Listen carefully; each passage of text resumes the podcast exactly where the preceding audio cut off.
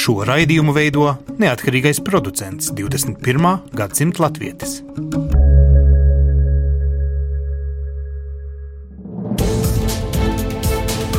Septiņas dienas Eiropā piedāvā Eiropas radiotīkls Eironet.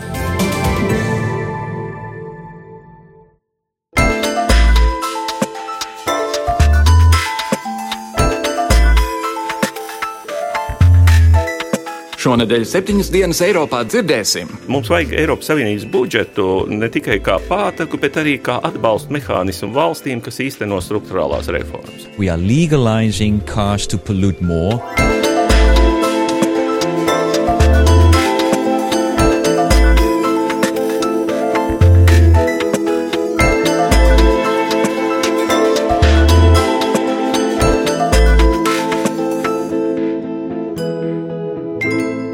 Labdien, godējamie klausītāji! Latvijas radio studijā Kārlis Streips esiet sveicināti jaunākajā septiņas dienas Eiropā. Bulgārijas komisāra Kristalīna Georgieva, kas bija Eiropas komisijas priekšsēdētāja vietniece un atbildīga par budžetu un cilvēku resursu jautājumiem, ir atkāpusies no amata trīs gadus pirms pilnvaru laika beigām. Viņa ir pieņēmusi Pasaules bankas vadītājas amatu. Par spīti procesiem, Eiropas komisijas priekšstādātais Junkers ir izlēmis, ka viņas portfeli piešķirs digitālās ekonomikas un sabiedrības komisāram Ginteram Ettingeram. Viss jau būtu labi, ja izraudzītais aizvietotājs Vācietis Ettingers būtu spējīgs un cienīts kandidāts, bet daudzās aprindās viņa sniegums pirmīt enerģētikas un tagad digitālās ekonomikas komisāra amatos tiek vērtēts kā maigi izsakoties neapmierinošs. It kā ar to nepietiktu, vēl Ettingers paspējis publiskā uzrunā Ķīnas tirdzniecības delegācijas pārstāvjus nosaukt par klonētiem, nedemokrātiskiem šķībacaiņiem.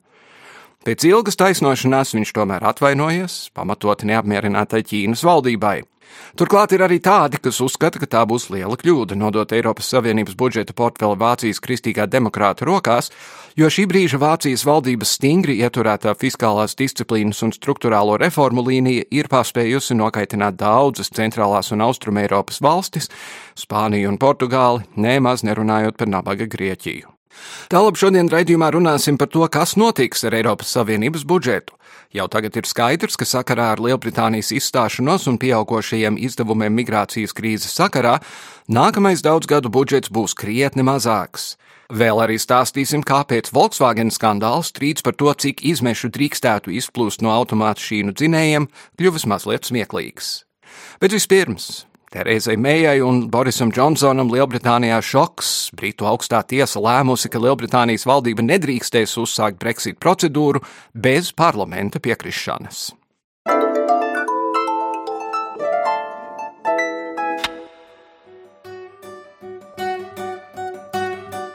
Anti-Brexit kustība guvusi pirmo uzvaru cīņā pret Lielbritānijas valdības Brexit stratēģiju. Britu augstākās tiesas pirmā instance lēma, ka valdība nedrīkst ierosināt tā saukto 50. pantu par izstāšanos no Eiropas Savienības bez parlamenta apstiprinoša balsojuma. Šo spriedumu jau dēvē par šīs paudzes svarīgāko ar satversmi saistīto tiesas lēmumu. Valdības vadītāja Terēza Meija bija iecerējusi izmantot premjera amatam piešķirto karalisko pilnvaru, lai uzsāktu izstāšanos procesu. Pretinieki apgalvo, ka premjera pilnvaras nedrīkst izmantot, lai ierosinātu Lisabonas līguma 50. pantu, jo tikai un vienīgi parlaments ir Lielbritānijas galvenais likumdevējs. Arī anti-Brexit kampaņas vadītāja Džīna Millere pēc sprieduma stāstīja, ka viens no svarīgākajiem referenduma argumentiem bijis Britu parlamenta suverenitātes atgūšana. Tāpēc nevarot vienu dienu gribēt atgūt suverenitāti, lai nākamajā jau izlemt no tās atteikties. Skotijas pirmā ministre Nikola Sturgeona uzrunā Skotijas parlamentam pret valdību bija vēl skarbāka. Uh, the judgment this morning, I, I, don't think, is a huge surprise to anybody who followed uh, the case, but it is hugely significant. Es nedomāju, ka šī rīta spriedums kādam būs milzīgs pārsteigums. Toties spriedums ir nozīmīgs it īpaši, jo tas parāda, kāds haoss un apjukums valda apvienotās karalistes valdībā. Jāceras, ka valdības atteikums ļaut balsot parlamentam nav pieņemts aiz kādiem augstākiem konstitucionāliem principiem, tas ir pieņemts tālāk, ka viņi zina, ka izstāšanās jautājumā Viņiem nav sakarīgas nostājas, un parlamenta balsojums šos trūkumus atmaskos. Toties ģenerālprokurors Džeremijs Raits uz šo visu jēzgu atbildēja šādi: Valsts balsoja pamest Eiropas Savienību ar parlamentā apstiprināta referenduma palīdzību. Nebūs nekādi mēģinājumi palikt Eiropas Savienībā, vai centieni tai atkal pievienoties pa sētas durvīm. Un noteikti nebūs atkārtots referendums. thank you Eiropas Savienības politikas plānotāji un autoindustrijas standartu noteicēji ilgus gadus mērķtiecīgi samazina to, kāds ir atļautais kaitīgo izmešu daudzums automašīnu izplūdes gāzēs. Šobrīd pēc Volkswagen skandāla ir skaidrs, ja caurmēra dīzeļdzinējs četrkārši pārsniedz atļaujamo slāpekļu oksīdu daudzumu izmešos, tad ieilgusī valstu un ražotāju ķīvēšanās par atļaujamo nobīdi no normas Eiro 6 standartu dzinējiem ir kļuvusi nosacīti formāla. Vairāk par to, kāpēc auto industrija nespēja pati pildīt savus standartus, mana kolēģe Jāņa Kropas sižetā.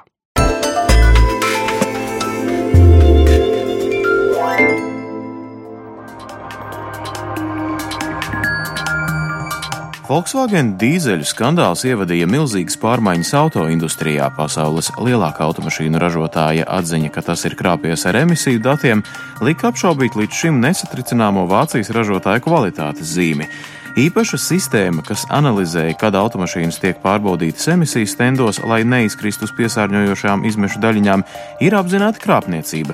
ASV pārbaudēs automašīnas precīzi izpildīja normas stendos, kamēr pat līdz 300 reizēm pārsniedza izmešu daudzumu jau braucot pa ceļu. Šķita, ka pēc šāda skandāla Eiropas komisija piegriezīs skrūvis jebkādām autoindustrijas idejām par emisiju atvieglojumiem. Tomēr jaunākās ziņas liecina, ka Eiropas komisijā jau ir tapis melnraksts jauniem noteikumiem, kas varētu ļaut palielināt pieļaujamās izmešu normas. Šobrīd runā par benzīna automašīnām, kurām izmešu daudzums varētu tikt paaugstināts par 50%, un iemesls šim paaugstinājumam ir atziņa, ka testi nav bijuši precīzi, tātad tie ir likuši izstrādāt pārāk ambiciozus plānus. Eiropas parlamenta deputāts Bass Eikauts, kurš pārstāv zaļos, uzskata, ka lielā mērā atbildība jāuzņemas lēmumu pieņēmējiem un arī tehniskajiem birokrātiem. Ko apstiprināja dalību valsts caur saviem ministriem? Tās pieņēma lēmumu, ka visas automašīnas var emitēt 160 mg uz kilometru līdz 2019. gadam. Tad mēs, parlaments, kā līdzvērtīgs lēmumu pieņēmējs, vienojamies jau 2007. gadā, ka emisijām ir jābūt 80 mg sākot ar 2014. gadu. Tagad izrādās, tehniskajā komisijā jau runā par rādītājiem 120 mg, kas būtu limits līdz 2021. gadam. Pat ja kāds no mums ir uz vienu roku ar automašīnu ražotājiem, nevar būt tā, ka tehniskā komisija izstrādā tādus rādītājus, ko mēs parlamentā esam noraidījuši. You cannot accept that in a technical committee we are adjusting what we decided as co-legislators. Tomēr autoindustrijas lobiju grupas atrada ļoti labu caurumu Eiropas likumdošanā. Emisijās nodala oglekļa dioksīda izmešus, jeb tā saucamās daļiņas, kas tiek emitētas izpūtēja pēdējā posmā, no tām emisijām, kas rodas uzreiz pēc degvielas sadegšanas dzinējā. Slāpekļa dioksīda izmeši ir pat kaitīgāki, piemēram, Startautiskas transporta un vidas domnīcas eksperti radīja aptuvenu priekšstatu, kas notiek, ja nesamazina slāpekļa dioksīda izmešu apjomus. Nitrogen dioxide causes asthma. Slāpekļa dioksīds izraisa astmu, sirdstriekas, tāpat tas ietekmē iedzimta skaitas. Vienkārši sakot, tas aizsina cilvēku dzīves ilgumu. Un Volkswagen atbildība ir tā, ka viņi pieņēma lēmumu izstrādāt sistēmu, lai pārsniegtu atļautās normas. Knowing that their cars will produce much more than they were allowed. Eiropa ir lielākais pasaules tirgus dīzeļdzinēju automašīnām. Protams, vidas aktīvisti atgādina, ka benzīna dzinēju automašīnu testi varētu būt tikpat izplūduši kā dīzeļdzinējiem. Tomēr lobiju grupas tieši uz to arī cer, uz dīzeļu skandāla fona pacelt vismaz benzīna dzinēju emisiju daudzumu. Iemesls tam ir pārbaudas, kuras, kā izrādās, nemaz nesot bijušas tik precīzas. Gaisa piesārņojuma analītiķe Džēna Tomas uzskata, ar tiem testiem, kas bija pieļaujami, nav jau arī nekāds brīnums, ka autovražotāji apkrāpa likumdevējus. Turklāt Eiropā to pat esot bijis vieglāk izdarīt nekā Savienotajās valstīs. The test was developed in the 1970s and the rules are easier to bend. Ties tika izstrādāti 70. gados un noteikumus ir viegli interpretēt. Ražotājiem pat vietām nevajadzēja īpaši pūlēties, lai izietu pārbaudas. ASV tās bija manipulācijas ar dzinēja darbības analīzes programmatūru bet Eiropā pat tas nebija nepieciešams.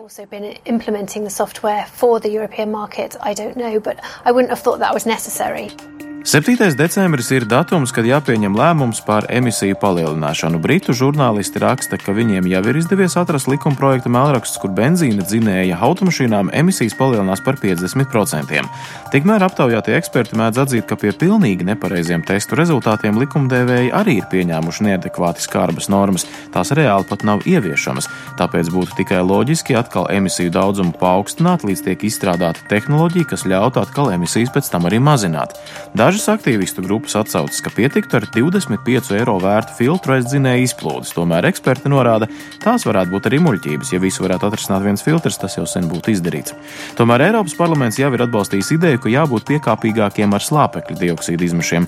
Tos stingrāk varētu kontrolēt tikai no 2019. gada. Bass Eikauts no Eiropas zaļajiem uzskata, kolēģu atbalsts ir šokējoša parādība. Tā vietā, lai domātu, kā sodīt vidas normu pārkāpējus, viņiem sāk piešķirt atlaides. Balsojums par slāpekļa dioksīdu radīja vilšanos. Skaidrs, ka automašīnu ražotāji lobbyis uzvarēja. Mēs zinām, ka viņiem vajag jaunus testus, bet viņi izmantoja šo brīdi, lai tā vietā samazinātu pārbaužu mērķus. Jā, tagad mums būs labākas pārbaudes, bet pie reizes mums būs lielākas atkāpes no prasībām. Mēs esam atļāvuši automašīnām radīt lielāku piesārņojumu. Šāds balsojums ir zaudējums demokrātijai, gaisa piesārņojuma samazināšanai un arī cilvēku veselībai. Air pollution and our citizens' health. Skaidrs, ka autoražošana nozīmē milzīgus līdzekļus, un tie var tikt izlietot arī politiķu ietekmēšanai. Protams, var piekrist likumdevēja ambīcijām vidas piesārņošanas mazināšanā arī ir jābalstās kaut kādās samērīgās prasībās, kas ir balstītas uz pārbaudēm, un ir saprotams, kāpēc Eiropa cenšas pasargāt arī savus ražotājus. Šobrīd, ja cieša dīzeļdzinēja tehnoloģija, tad cieši lielākā daļa Eiropas tirgus. Ja apzinīgi pilsoņi domādam par savu ietekmi uz piesārņojumu tagad atteiksies no dīzeļdzinējiem, viņiem jāizvēlas vai nu benzīndzinējs, hibrīda tehnoloģija, vai arī elektroautomašīna, un alternatīvas ļoti aktīvi ir izstrādājuši ASV un Āzijas uzņēmēji. Kādreizējais arguments, ka dīzeļdzinēji patērē mazāk, tāpēc piesārņo mazāk, visticamāk ir aplams. Iespējams, ka šī skandāla lielākā jēga ir sagatavoties nākamajam tehnoloģiskajam lēcienam elektroautomašīnu jomā. Vairākas pilsētas Eiropā jau domā, kā ierobežot vecu automašīnu iebraukšanu to centrā, bet pavīdējušas idejas, ka līdz 2050. gadam Eiropas pilsētās vispār varētu aizliegt iebraukt ar automašīnām. Kārtējā utopija vai abrīnojamas ambīcijas pirmā pārbauda jau ir tepat 7. decembrī. Eiropas vadošo finansistu sanāksmē Tatru kalnos Vācijas finanšu ministrs izteica viedokli, ka vajagot piesaistīt Eiropas Savienības fondu izmaksas valstu fiskālās disciplīnas rādītājiem. Arī Itālijas premjeras nesen izteica vēlmi piesaistīt fondu maksājumus valstu solidaritātes izrādīšanai migrācijas krīzes sakarā. Kas īsti notiks ar Eiropas Savienības budžetu un kāpēc tas tagad kļuvis par tādu strīdu sābolu? Vai tāpēc, ka nākamais daudzgadu budžets sakarā ar Lielbritānijas izstāšanos visdrīzāk tiks samazināts, vai tālāk, ka izdevumi migrācijas un citu krīzes krīžu novēršanai tikai aug un aug, galvenais, kā šāds samazinājums varētu ietekmēt Latviju. Uz šiem jautājumiem šodien atbildējis Finanšu ministrijas fiskālās politikas departamenta direktors Nils Saks. Labdien! Labdien! Es ceru, ka jūs varēsiet atbildēt uz visiem šiem jautājumiem. Jā, nu tad jau laikam man būtu par pravieti kaut kur jābūt, lai varētu atbildēt uz visiem jautājumiem, kas notiks, teiksim, it īpaši ar Britu izstāšanos, bet kaut ko mēs varam pateikt, kas būtu, ja būtu, un, un mm -hmm. kā process varētu attīstīties. Tad sāksim ar, ar pamatu jautājumu. Vai jaunajā finansējuma periodā kaut kā kardināli mainās veids, kā Eiropas Savienība finansē procesus? Par jauno periodu vēl nav uzsāktas diskusijas, tāpēc īsā atbilde ir, ka neviens nezina, cik lielā mērā tie atšķirsies no iepriekšējiem spēles noteikumiem. Bet tas, ko mēs varam redzēt, ir Britu lēmums, tas, ko mēs varam redzēt, ir jaunas vajadzības Eiropas Savienībā, tas, ko mēs varam redzēt, ka struktūrālās reformas nu, valstis tā ļoti nelabprāt īsteno, ja nav iestājusies krīze. Un šeit jūsu pieminētā vācu finanšu ministra viedokļa viedoklis ir, ka, zinat, mēs dzīvojam tomēr citos laikos, un līdz ar to mums ir nepieciešams pārskatīt budžetā, vai tie izdevumi, kam mēs tērējam tagad, būtu arī tērējami tādā apjomā arī nākotnē. Un te, protams, visi skatās uz divām lielām pozīcijām - kopējo lauksaimniecības politiku un kohēzijas politiku, jo nu, tie ir divi ziloņi Eiropas Savienības budžetā. Tur mm -hmm. neko būtiski nevar pārtaisīt, ja neskatītos šai virzienā. Līdz ar to var prognozēt, ka no bagātajām Eiropas Savienības valstīm būs vēlme samazināt tieši finansējumu šajās jomās.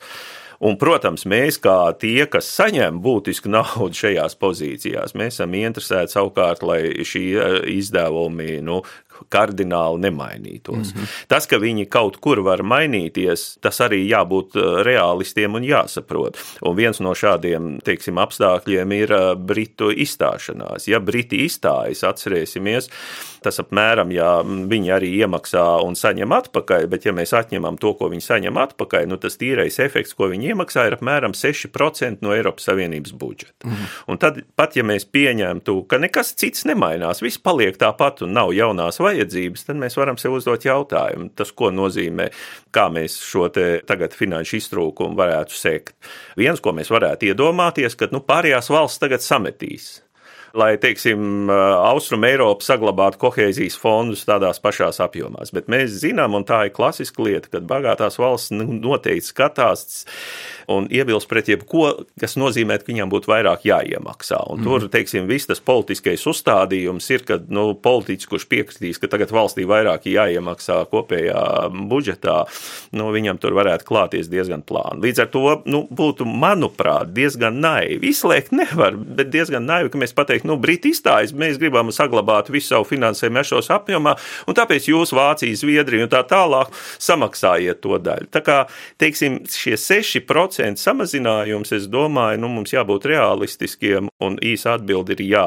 Nākamā gada budžets tajās lielajās pozīcijās, kas ir kohēzija un lauksaimniecība, manuprāt, es saku, mēs neko nezinām un mēs prognozējam, bet tas būtu vienkārši godīgi un taisnīgi, un, un, un nevajadzētu šeit likt rozā brilles, ka kāds to sametīs, par tik viņš varētu samazināties. Mm -hmm. Tad nākamais jautājums tālāk skar to, ka faktiski jau viena lieta, ja mēs skatāmies, cik Briti iemaksā, maksā, bet otra lieta, kad ar viņu aiziešanu tie ir apmēram 14% no iekšzemes koprodukta Eiropas Savienībai, kas samazinās.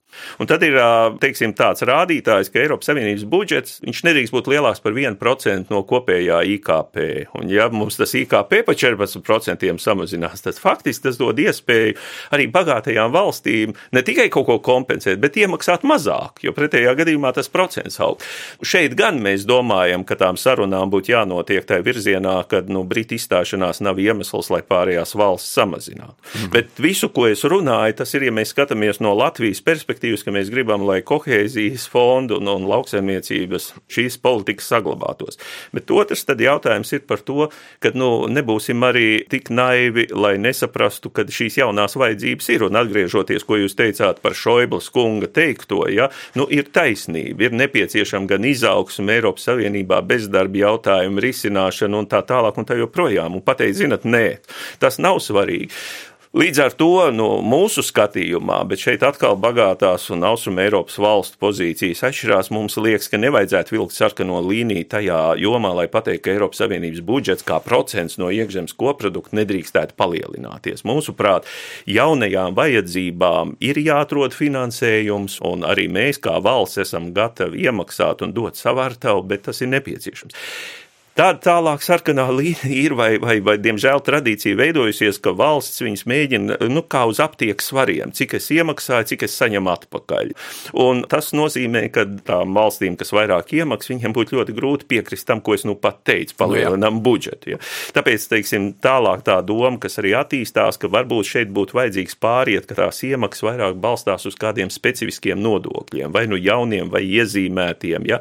jo tad tā vairāk darbojas jau automātiski, cik nu valsts valsts teiksim, ar nodokļiem iekasē, ja, bet nu, vairs zūd šī aptiekāra svars, kas ir tad, ja tu katru gadu mēģini vienoties par konkrētu summu. Bet tas prasītu ieviest Eiropas līmeņa nodokli, un tāds taču nav. Jā, nu, tas nenozīmē obligāti kādu jaunu Eiropas līmeņa nodokli. Tas arī varētu nozīmēt līdzīgi kā tagad, bet tikai mainīt to proporciju arī pievienotās vērtības nodokļu daļu mēs aizskaitām uz turieni. Tas nenozīmē obligāti jaunu nodokli. Mm -hmm. Tas nozīmē vienkārši iezīmētu mehānismu, kā šie ieņēmumi rodas. Cik... Un pie tā paša laika Eiropas Savienība strādā.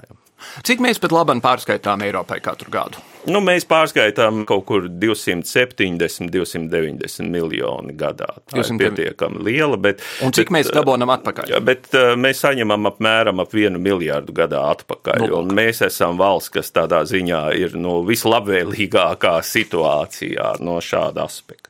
Un kā mēs izskatāmies šajā reitingā attiecībā uz fiskālo disciplīnu? Vai mēs esam rātni vai? Nu, lūk, eh, tad šis jautājums, ko Šoiblis kungs pateica, mums šeit ir divi aspekti. Viens ir šī fiskālā disciplīna, un otrs ir struktūrālās reformas. Un Šoiblis kunga ideja ir faktiski gan burkāns, gan pātaga. Nu, un ideja tāda, ja valsts nepild to, ko noteikums saka, tad vajadzētu apturēt struktūra fondus. Nu, fiskālā disciplīna šeit tiek pieminēta tādā sakarā. Bet man jāsaka, šīs jau nav jauns gadījums. Mēs nesen redzējām, ka Ungārijā tika apturēta struktūra fonda tieši šī iemesla dēļ. Drīzāk jautājums ir par to, ka paplašināt un ar to saprast ne tikai fiskālo disciplīnu, bet saprast arī tos citas tā saucamās valsts specifiskās rekomendācijas, jo katru gadu komisija katrai valstī dod savu redzējumu, kas ir protams, sarunās ar dalību valsts tapis, bet tas ir redzējums, kas valstī attiecīgajā gadā ir jāizdara.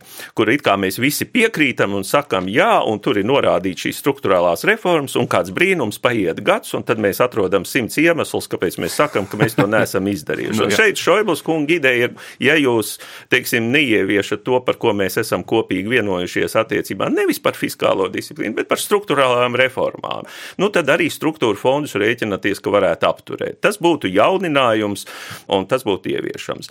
Par Latvijas pozīciju mums šķiet eh, šis variants simpātisks, jo tiešām Eiropas Savienība var pastāvēt tad, ja reiz mēs novienojamies par kaut ko, tad mēs arī to īstenojam. Ja mēs sakam, ka likumi kļūst zināmā mērā tikai par rekomendāciju, ja, un mēs pieņemot tāpat zinām, nu, var jau būt, ka kaut kādā mirklī mums pašiem tas ir izdevīgi, bet, bet ilgtermiņā nu, nevar pastāvēt 28, 27 valsts, ja, ja katra izturēsies pret pret kopējiem. Ja? Tad, tad nu, mēs esam interesēti to konstrukciju saglabāt, tāpēc šeit Vācu finanšu ministra viedoklis ir diezgan tuvs mūsu finanšu ministrijas viedoklim. Mm -hmm. Tik tālu tas bija par tā saucamo nu, pātagu nosacītu sodu. Bet otrs aspekts ir, ka struktūrālās reformas tur tiek dalīts, ir dažādas. Ir tādas, kas prasa politisko vēlmi, bet neprasa daudz naudas. Ja? Mm -hmm. Piemēram, maksāt nespējas procesa sakārtošana, nu, tur neprasa miljonus, tas ir, tas ir politiskās zīmes jautājums. Cits, piemēram, veselības reforma. Ja tur tiešām, nu, lai nodrošinātu šos kvalitāti, tur ir vajadzīgs papildus līdzekļus. Un šeit, teiksim, daļa no tas, ko arī domā, ka mums vajag Eiropas Savienības budžetu ne tikai kā pātaku, bet arī kā atbalstu mehānismu valstīm, kas īsteno struktūrālās reformas. Nu, un šeit, teiksim, mēs jau tagad justam no savu skatu intereses mazliet uzmanīgi, tādā ziņā, ka tas varētu skart mūsu kohēzijas fondu. Un tādā ziņā es teicu, ka nu, to mēs negribētu, bet mēs sakam, ka pašus kohēzijas fondu fondu finansējumu. Protams, un to jau mēs darām, to, protams, var uzlabot, bet mēs jau neizkaisām to naudu vējā. Mēs jau viņu orientējam uz tām attīstības prioritātēm, kas mums ir. Ja? Šajā kontekstā varbūt atgādiniet mūsu klausītājiem, kas varbūt to nezina vai ir aizmirsuši, kas ir atšķirība starp kohēzijas fondiem un struktūrāliem fondiem. Nu, būtībā liela atšķirība nav. Tā kohēzijas politika ietver sevi kohēzijas fondu un sociālo fondu. Un kohēzija un, un, un, nozīmē kopā sanākšanu. Bet, bet kohēzija tā pamata pamatmērķis kohēzija, un es domāju, tā ir arī tā prizma, caur kuru mums jāskatās, kādas projekts mēs atbalstam. Kohēzija nozīmē, ka mūsu dzīves līmenis tuvinās Eiropas Savienības vidējam līmenim. Nu, gudri tas ir iekšzemes koprodukts uz vienu iedzīvotāju. Mm -hmm. Un ideja ir, ka nu, šie projekti, šī nauda, kas mums tiek dota, viņi patiešām sekmē šī mērķa tuvināšanos. Un mums ir diezgan labs progress šai ziņā noticis, kaut gan Šķiet, lai mēs sasniegtu Eiropas Savienības vidējo līmeni ar esošo ātrumu, mums kaut kur tas būtu kaut kādā 2050. gadā. Līdz ar, nu, bet tas ir tā lineāli izvilkt cauri, ja mēs mm. redzam ātrumu. Protams, šeit ir krīzes situācija iekšā, kur mums neveicās. Tā kā mums ir viss pamats domāt, ka tas ir ātrāk, bet, nu, ja tīri tā lineāli izvēle, līdz ar to, te, protams, ir jādomā, kā labāk tomēr kohēzijas pieejamos līdzekļus izmantot. Ja par specifiskiem finansējuma projektiem, kā finanšu ministrija skatās uz tā dēvēto kapa tramvaju, kur arguments ir, ka tur ir 70 miljoni Eiropas naudas daļēji tāpēc, ka tā esot degradēta teritorija, par ko skanstas iedzīvotāji ir diezgan sašutoši. Viņi domā, ka tur nav degradēta teritorija. Nu, redzat, nu, man jāsaka, tas nav tāds mans lauciņš, bet nu, arī kā vērotājs, ja mēs uzdodam jautājumu, vai mēs negribam tramvaju līnijas Rīgā attīstīt, es gribētu teikt, jā, jo tramvajs ir viens no labākajiem transporta līdzekļiem. Šodien ir milzīgs sniegs, es no Imants ar tramvaju atbraucu un skatījos nabadziņiem, kas sēž mašīnās, un tas 20 minūtēs pat šādos te apstākļos ir iespējams. Tā kā pateikt nevajag Rīgā to, es domāju, nebūtu prāta darbs, vai tieši tur vai kur citur citur, nu, tas ir speciālistiem spriežams, vai viņš iet cauri kapiem vai neiet, un kur tur atkal ir jāskatās un jāatrod visiem pieņemams risinājums. Bet pats par sevi tramvaja līnija attīstība, es domāju, ir pareizi. Un, ja mēs skatāmies tagad, vai jautājums, ja mēs atgriežamies, vai tas sekmē kohēziju, vai tas ir labākais veids, kādā mēs panākam IKP uz vienu iedzīvotāju pieaugumu, tas atkal ekspertiem. Es gribētu teikt, ka labāks sabiedriskais transports, kur mēs mazāk laika pavadām ceļā no darba uz mājām, to laiku mēs varam iztērēt liederīgāk. Un tādā veidā, teiksim, tas dod savu pozitīvu mm -hmm. efektu. Tur, protams, jārēķina cik un kas, bet es domāju, ka sabiedriskā transporta attīstība mūsu pilsētā ir vērtīgs projekts. Jūs pieminējāt lauksaimniecības kopējo politiku, un britu žurnālists The Economist gadiem un gadiem un gadiem un gadiem ilgi par to ir bāries, sakot, ka tas ir izšķērdības kalngals.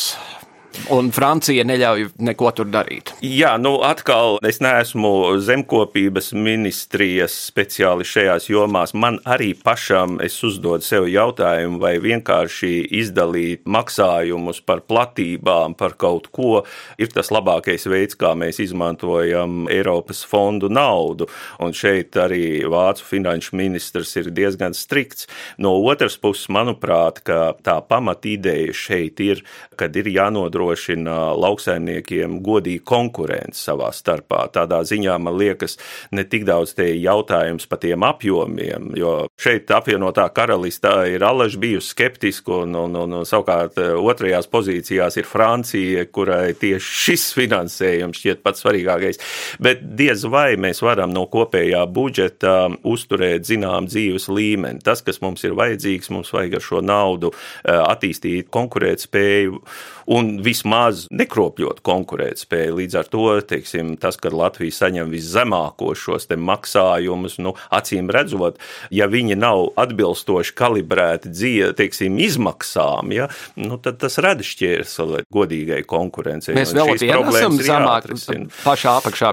Es, es tiešām nebūšu tas, kurš teikt, bet es saprotu, ka, nu, jā, vai nu esam vai tuvu tam, un ka tas nav īsti godīgi. Vai Finanšu ministrija un Eiropa kopumā. Tiešām domā, ka ar laiku Lielbritānija pavisam aizies, jo nu pati bija tiesas spriedums, ka tur ir parlamentam jābūt iesaistītam. Katrā gadījumā tas prasīs vēl divus gadus un tā tālāk un tā joprojām.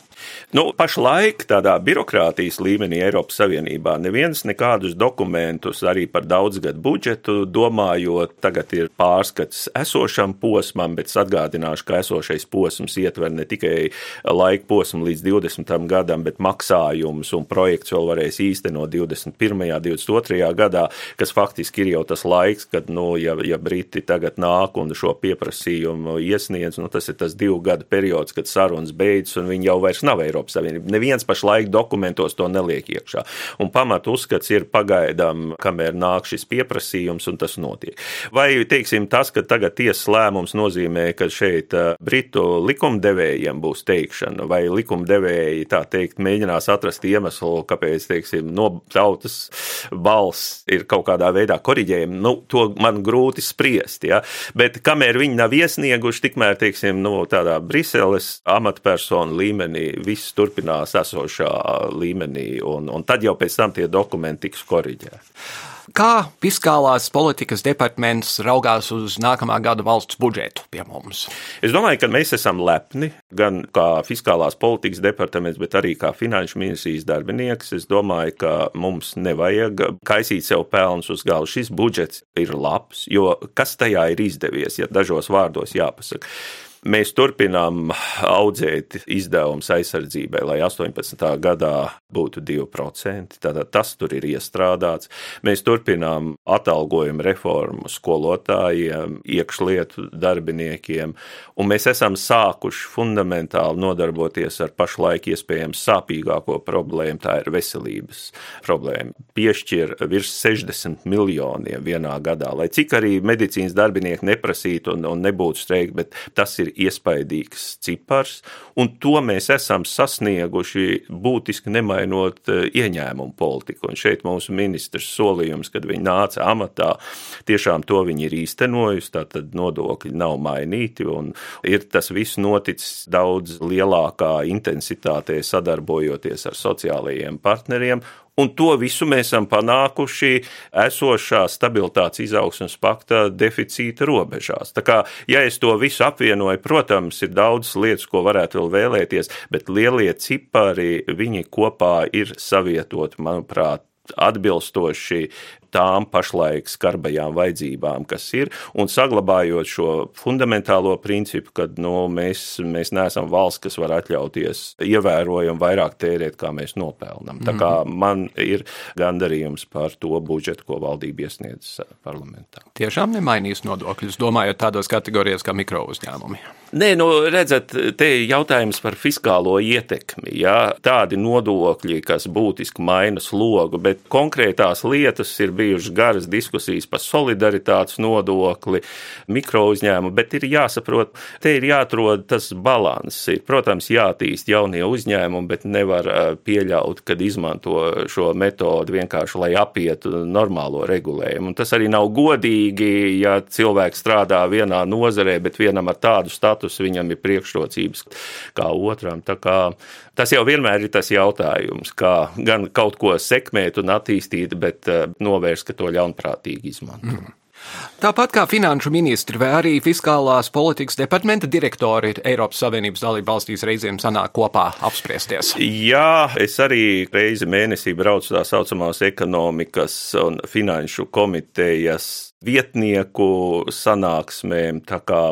Ir ļoti cieši konteksts starp finanšu ministrijas darbiniekiem, man jāsaka, kopumā, un tiem procesiem, kas tiek lemti Eiropas Savienībā. Mm. Tie vienmēr ir Briselē šīs sapulces? Vai? Nē, nu dažreiz, vienreiz gadā, tas ir divreiz gadā, katra prezidentūra, mēs atceramies Latvijas prezidentūru organizē to pasākumu pie sevis, un arī reizi pusgadā viens notiek Luksemburgā, bet tā pamatā tās sanāksmes notiek Briselē. Un man jāsaka, ka finanšu ministri, un tas ir arī jautājums, ko mēs varam sev uzdot, dažreiz tā varbūt ironiski saka, ka nu, finanšu ministri ir tātad grāmatvežu vai Exceļa tabuļu ministri ministrija, kurai neinteresē valsts prioritātes, bet galvenais, lai cipariņi sajiet kopā, tad, teiksim, nu, tas tā kopējā tradīcija ir, ka tā vieta, kur tiekās finanšu ministri, eh, tur notiek sarunas pamatā par valsts ekonomikas attīstību.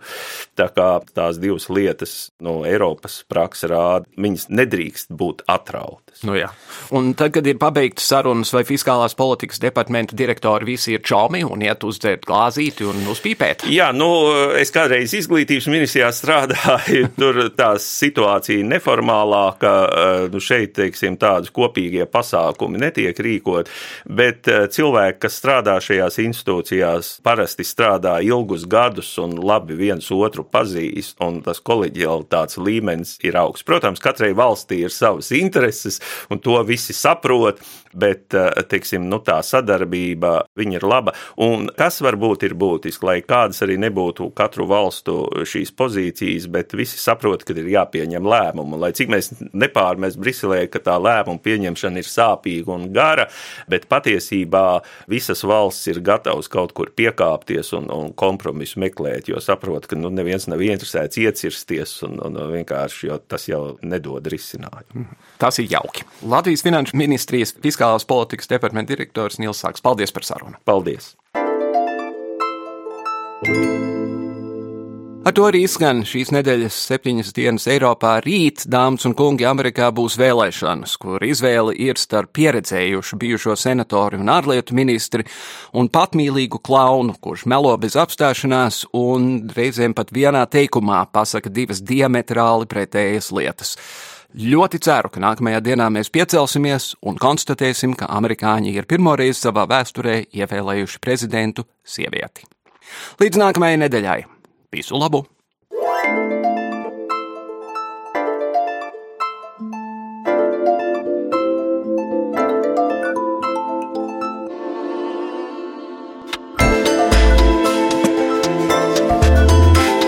Raidījumu veido Kārlis Streips, Ieva Valēne un Jānis Krops.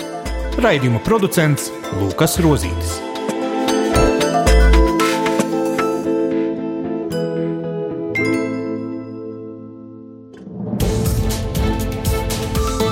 Visus Eironet plus sižetus un raidījumus meklējiet Latvijas radio mājaslapā.